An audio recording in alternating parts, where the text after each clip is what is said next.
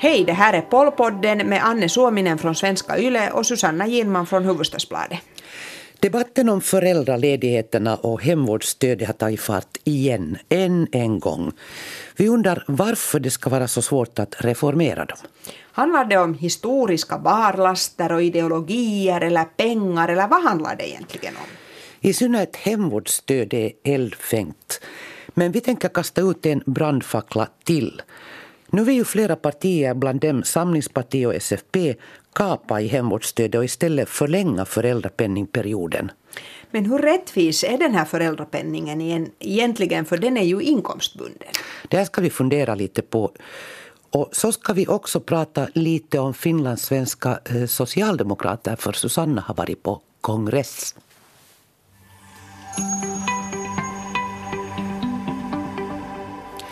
Vi börjar i varje fall nu med en djupdykning i föräldraledigheterna och hemvårdsstödet.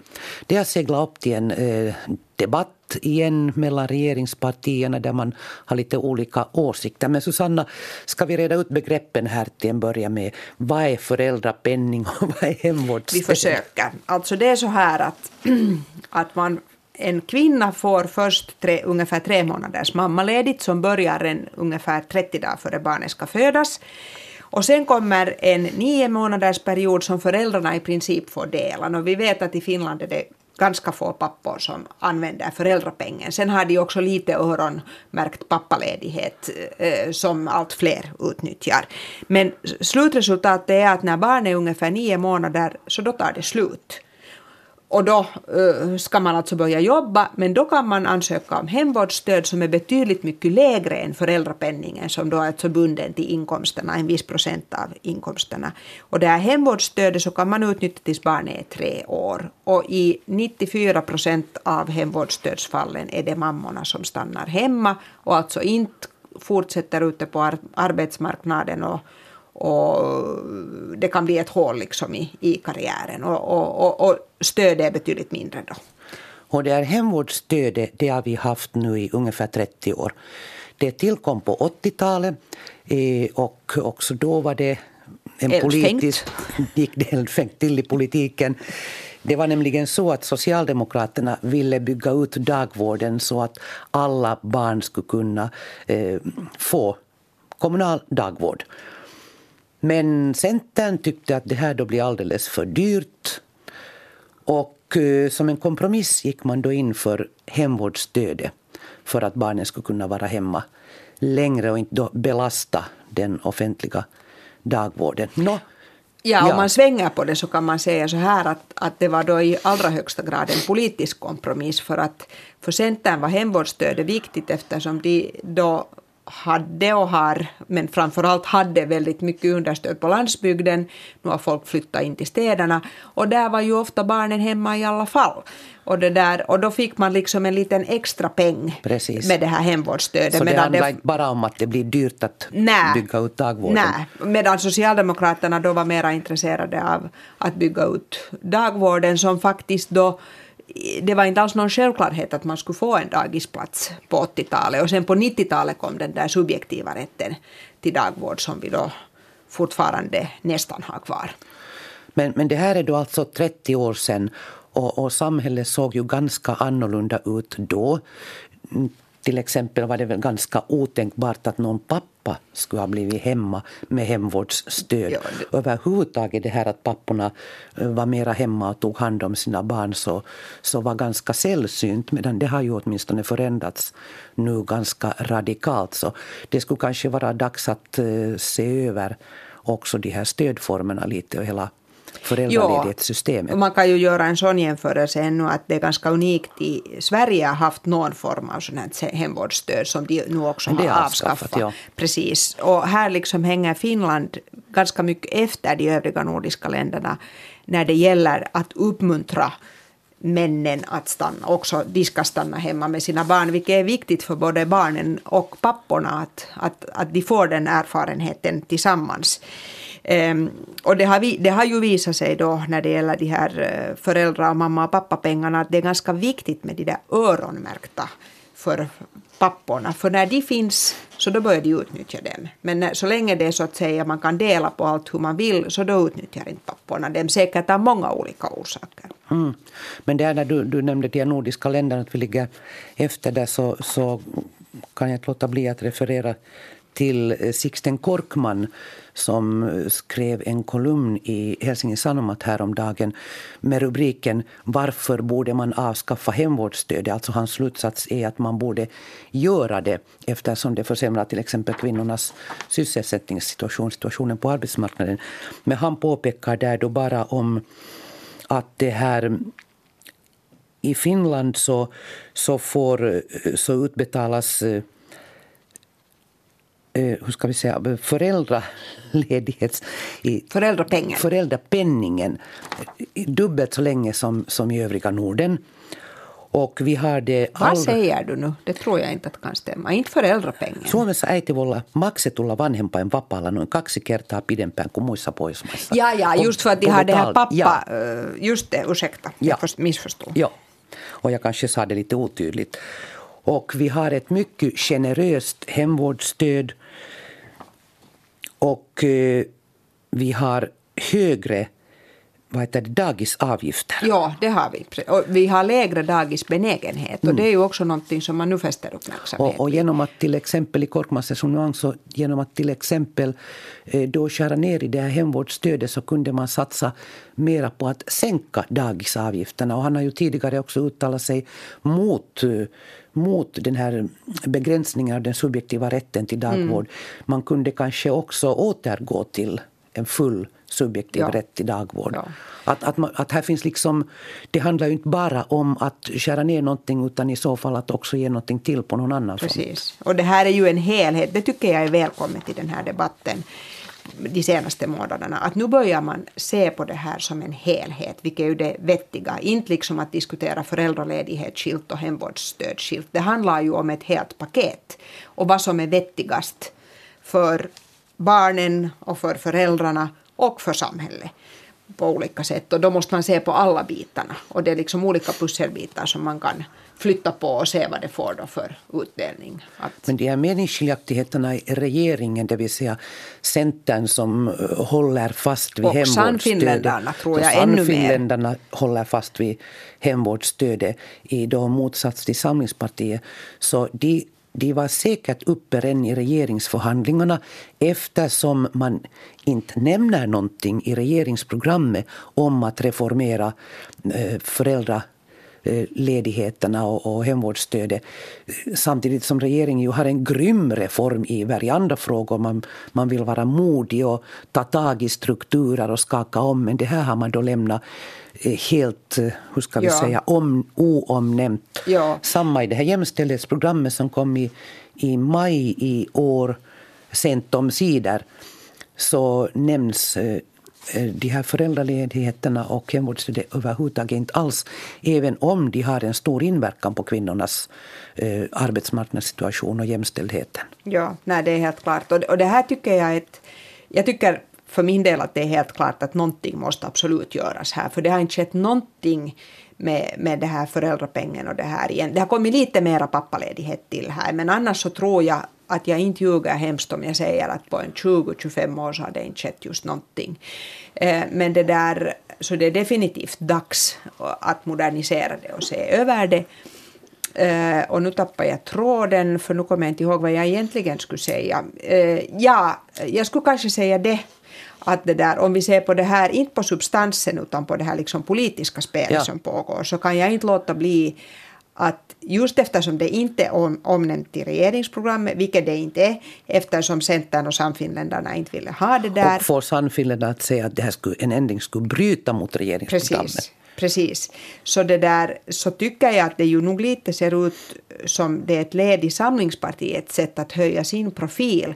Nu att så här väldigt äh, liksom äh, med hög profil ta upp den här frågan och så att säga föreslå att nu ska det göras redan under den här, den här regeringsperioden. Och jag tror att ingen har, alltså från Centerhåll har man ju inte direkt motsatt sig att se över föräldrapengen, men Annika Saarikko som ska bli omsorgsminister, så hon, hon tycker att det kan inte göras under den här perioden.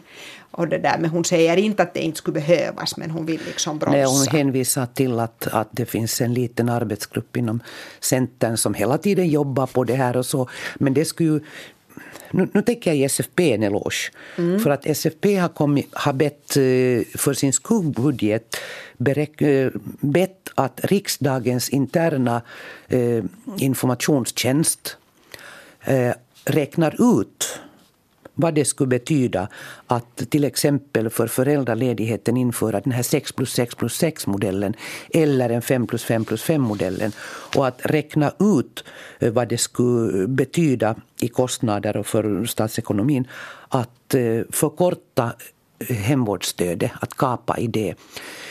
Det tycks inte ha varit något större besvär för, för riksdagens informationstjänst att göra de här beräkningarna. Jag har läst igenom dem. Här finns massor av siffror. Det blir dyrt, men det vet vi ju. Eh, nå konsekvenserna för till exempel kvinnornas ställning på arbetsmarknaden kan de ju inte ta ställning till. Men, men jag kan liksom inte förstå varför det ska vara så svårt då för till exempel Centern att komma ut med sin arbetsgrupps beräkningar för andra partier att lägga fram lite mera konkreta tankar på det här i god tid nu då, om det då inte går i den här regeringen, så då i nästa. Mm, så att man att, före valet skulle veta ja, vad olika Alla säger nu att det skulle vara viktigt att det, att det är bra att det här diskuteras och det skulle vara viktigt att det diskuteras. Men kom fram med lite liksom mm. fakta och lite klara åsikter. Vad är det då Centern vill göra? Om man nu då, som Anne Sarikko säger, sitter och grubblar på det här nog i en arbetsgrupp. Ja, precis. Nej, det är nog... Det, det, finns nog, känns nog lite så här att de nu vill bara skjuta upp det. Ja, och jag tror och definitivt att du har rätt när du säger att det här är lite av en profilhöjning för Samlingspartiet. För att det här... Mm, det är helt klart att eh, yngre kvinnor i arbetslivet eh, nog har en betydelse för dem som väljare och att där säkert finns ett intresse för att eh, man ska titta över, eh, se över de här systemen och strukturerna. Och eh, de facto så var Sanni Gran Larssonen och eh, dåvarande utrikeshandelsministern Lenita Toivakka ute redan i maj i samband med att eh, jämställdhetsprogrammet fastställdes och sa precis samma sak som Sanni Gran Larssonen säger nu. Och då sa Centern precis samma sak. Men det tog inte riktigt tog inte fart då. då.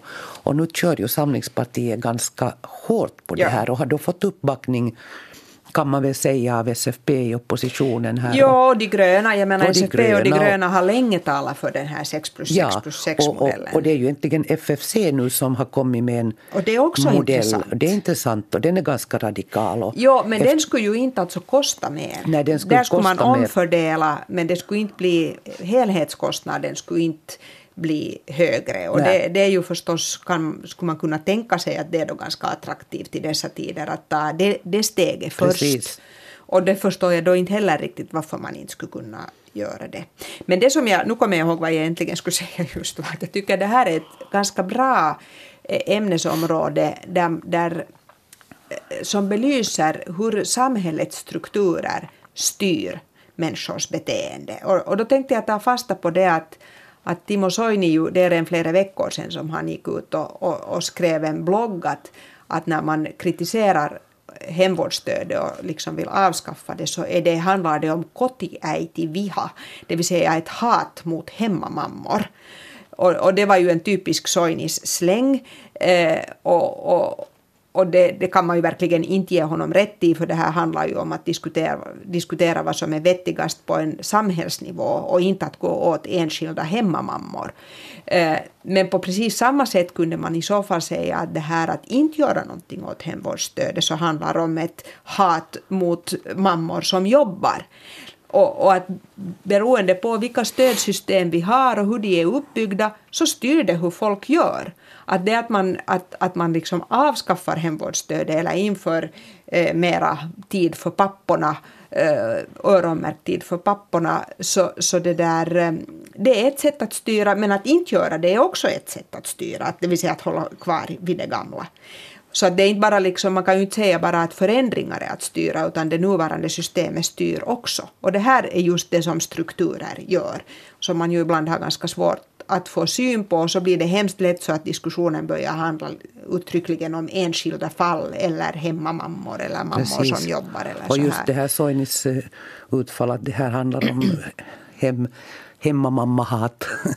Så, så visar, man, man borde vara så grymt lyhörd alltid för hur politikerna lägger sina ord och, och hur de den här vägen styr debatten och styr de här liksom sinnebilderna. Precis. Ja. Att det blir mer liksom en, en debatt med känslor mm. än en debatt med fakta och, och faktaargument. Ja, och det är ju alltså Timo Soini säkert nästan bäst på i det här landet. Det är att, att göra sådana här. Men, Men jag tycker det är mm. intressant med den här FFCs modell också, alltså för att de har inte tidigare varit hemskt intresserade Nej. av den här typen av frågor. Och, och det, finansieringen är ju egentligen en trepartsfråga när det gäller föräldraledigheten.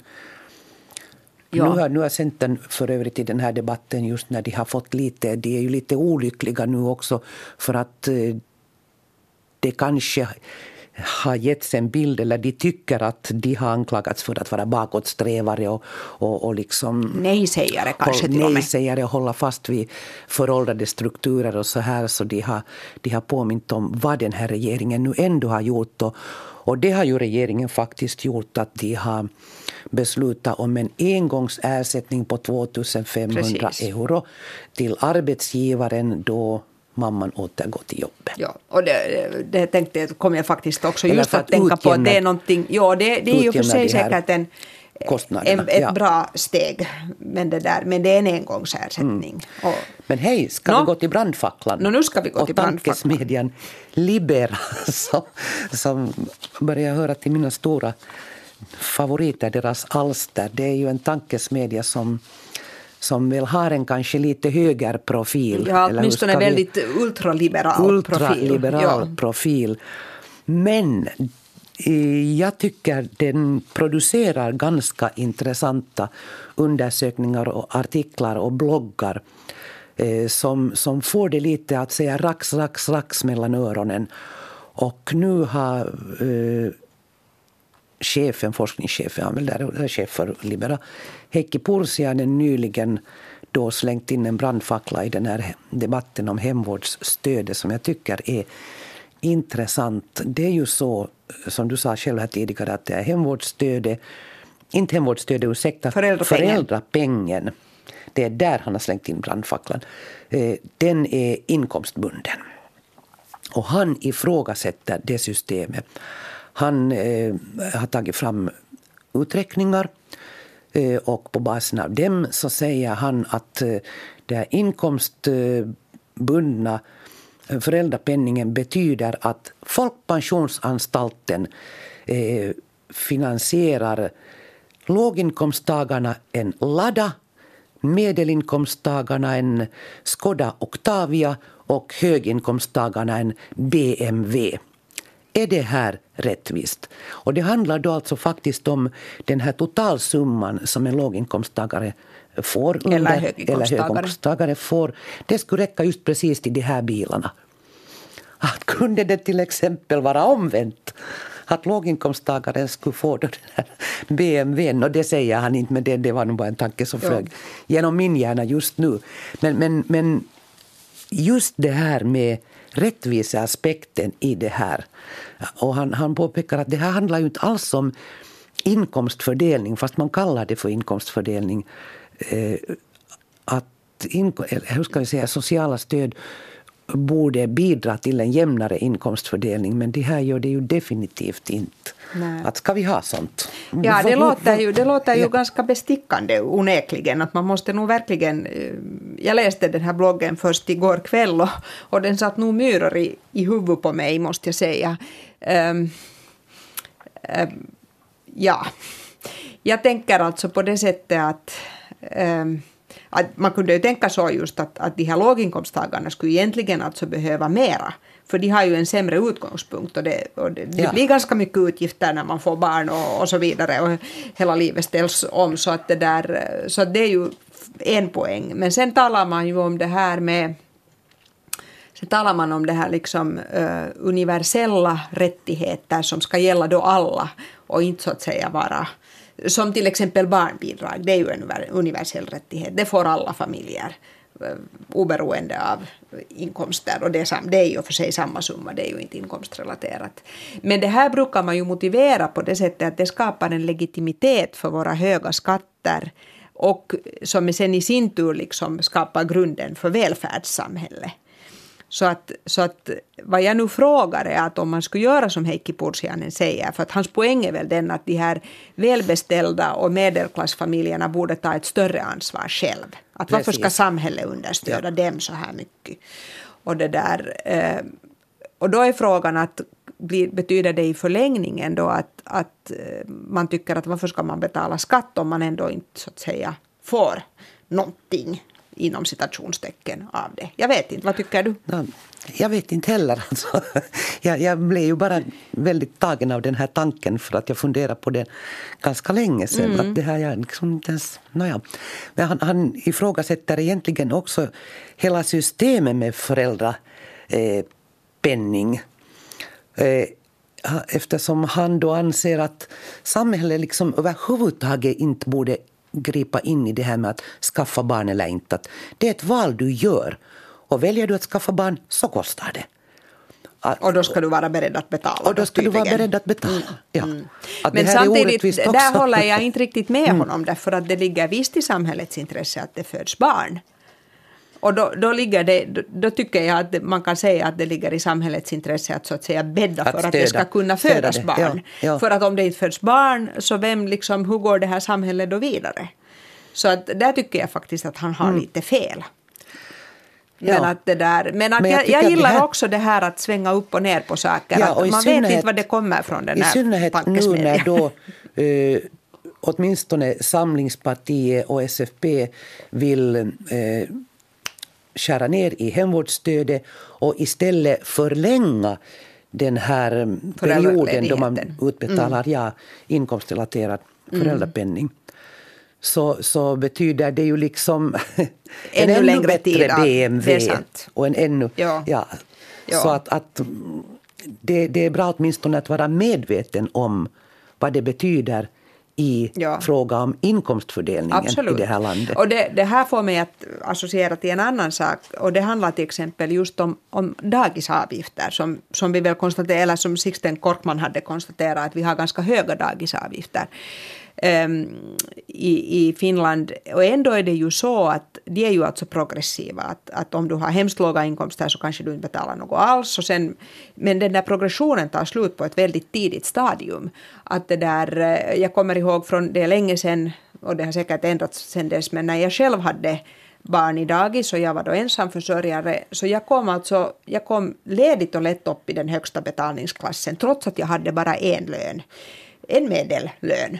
Och, det där, och jag kommer ihåg att det kändes liksom bittert faktiskt. Jag har kommit över det. Men att jag har, till exempel hade kollegor som hade två sådana löner som jag och de betalade precis samma sak. Inte vet jag om jag skulle ha blivit gladare av att de skulle betala dubbelt så mycket. Men, men du kunde men, gärna fått betala lite mindre. No, just precis. Att det där att, att um, att det är också liksom en, en fråga som jag har. Att varför tar då det, det slut? Att det är ju också då ett sätt att betala för sig om man har mera att, att röra sig med. Jag, jag, har inget svar. Men det där, det brukar sen, till exempel SFP brukar säga att det är fel med, med de här progressiva avgifterna eftersom skatten är progressiv. Mm. Men, men det där men där tar också progressionen slut, äh, planar ut liksom i ett någorlunda tidigt skede. Nåja, men kanske vi inte ska gå in på det. Hey, från det här får vi ju den här åsnebryggan till finlandssvenska socialdemokrater. No. Nu när vi nu har pratat om inkomstfördelning och progressivitet och så där, det är ju liksom alltid på, på vänsterns agenda.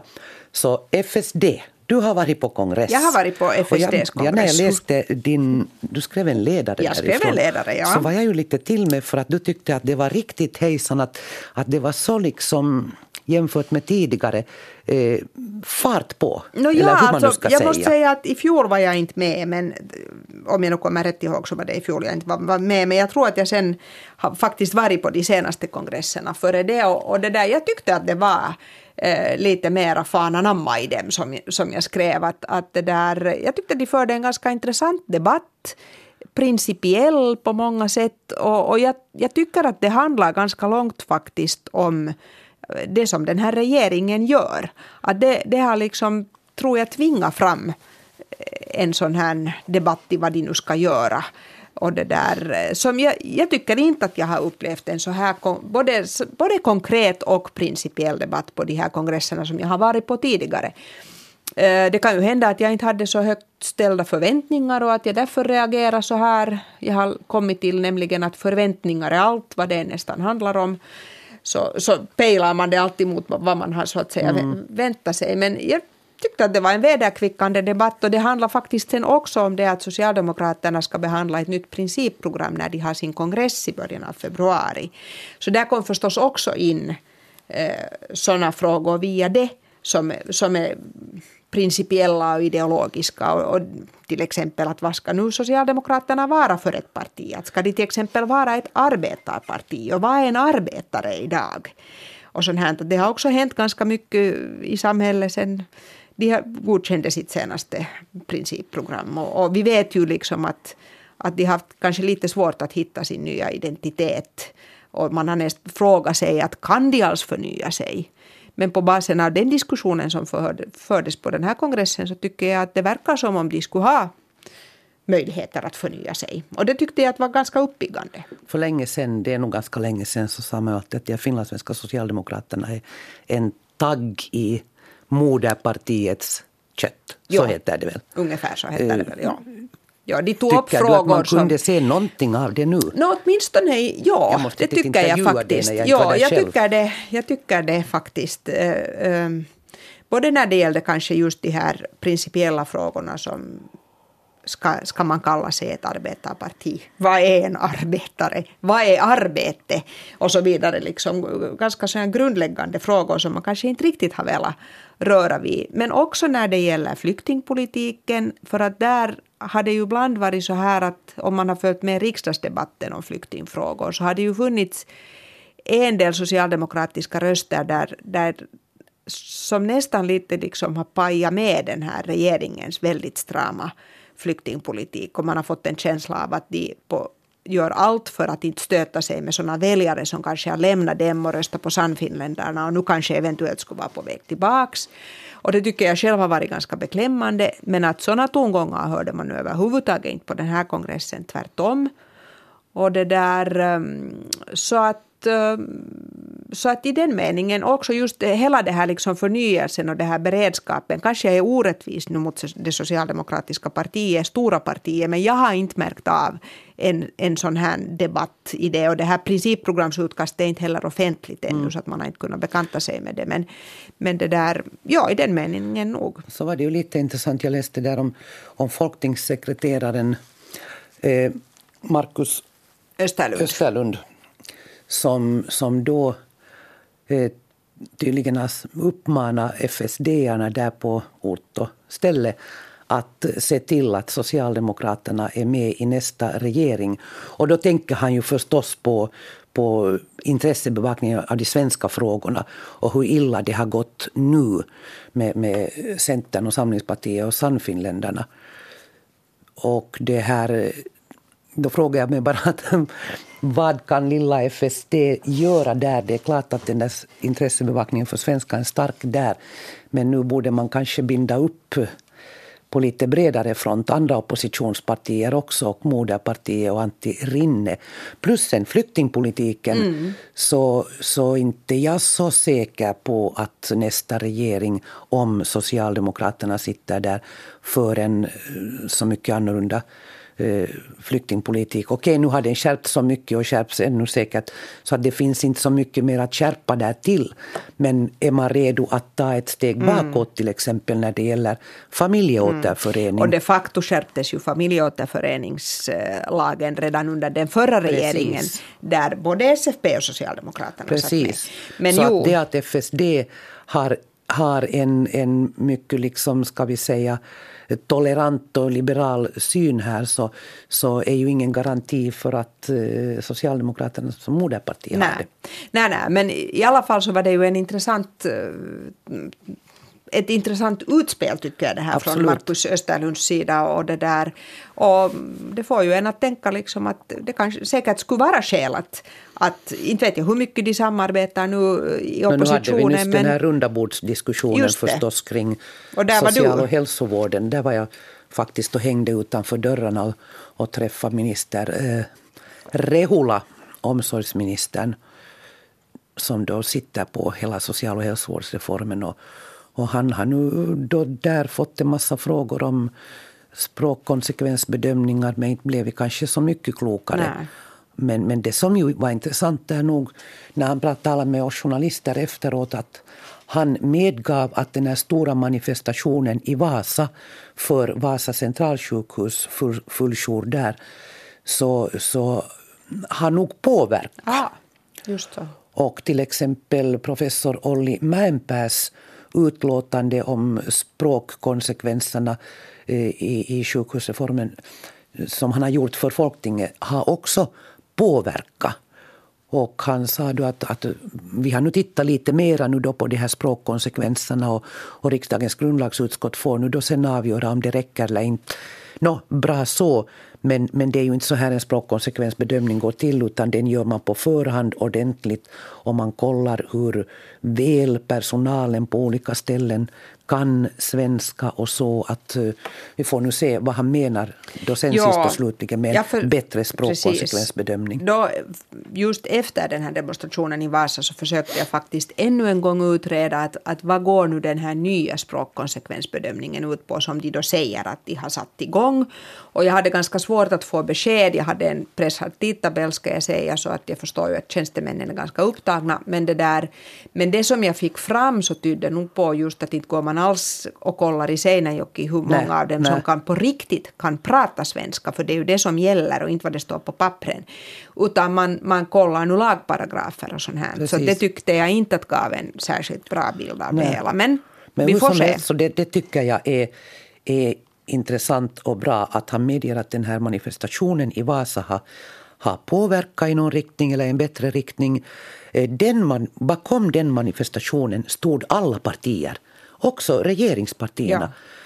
Ja. Eh, och, och, det är ju den här vägen mm, liksom, eh, man kan påverka med att, att få en bred front och en stor synlighet för en god sak. Så att det här borde kanske SFP tänka på också i andra frågor. Att, att eh, skapa de här nätverken och stampa fram breda koalitioner. Just det. Kanske det är ett bra ställe nu att sätta punkt vid, hör du, i, idag. Ska du vi göra det? Du har säkert rätt. Ja. Vi hörs igen. Tack och hej. Hej, hej.